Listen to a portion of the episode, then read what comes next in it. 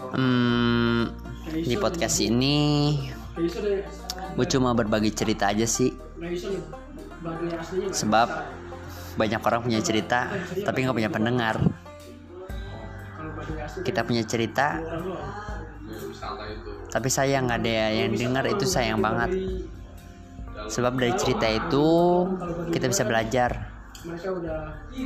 Dari cerita tersebut juga kita bisa memahami perasaan orang lain. Jadi pendengar yang baik ya.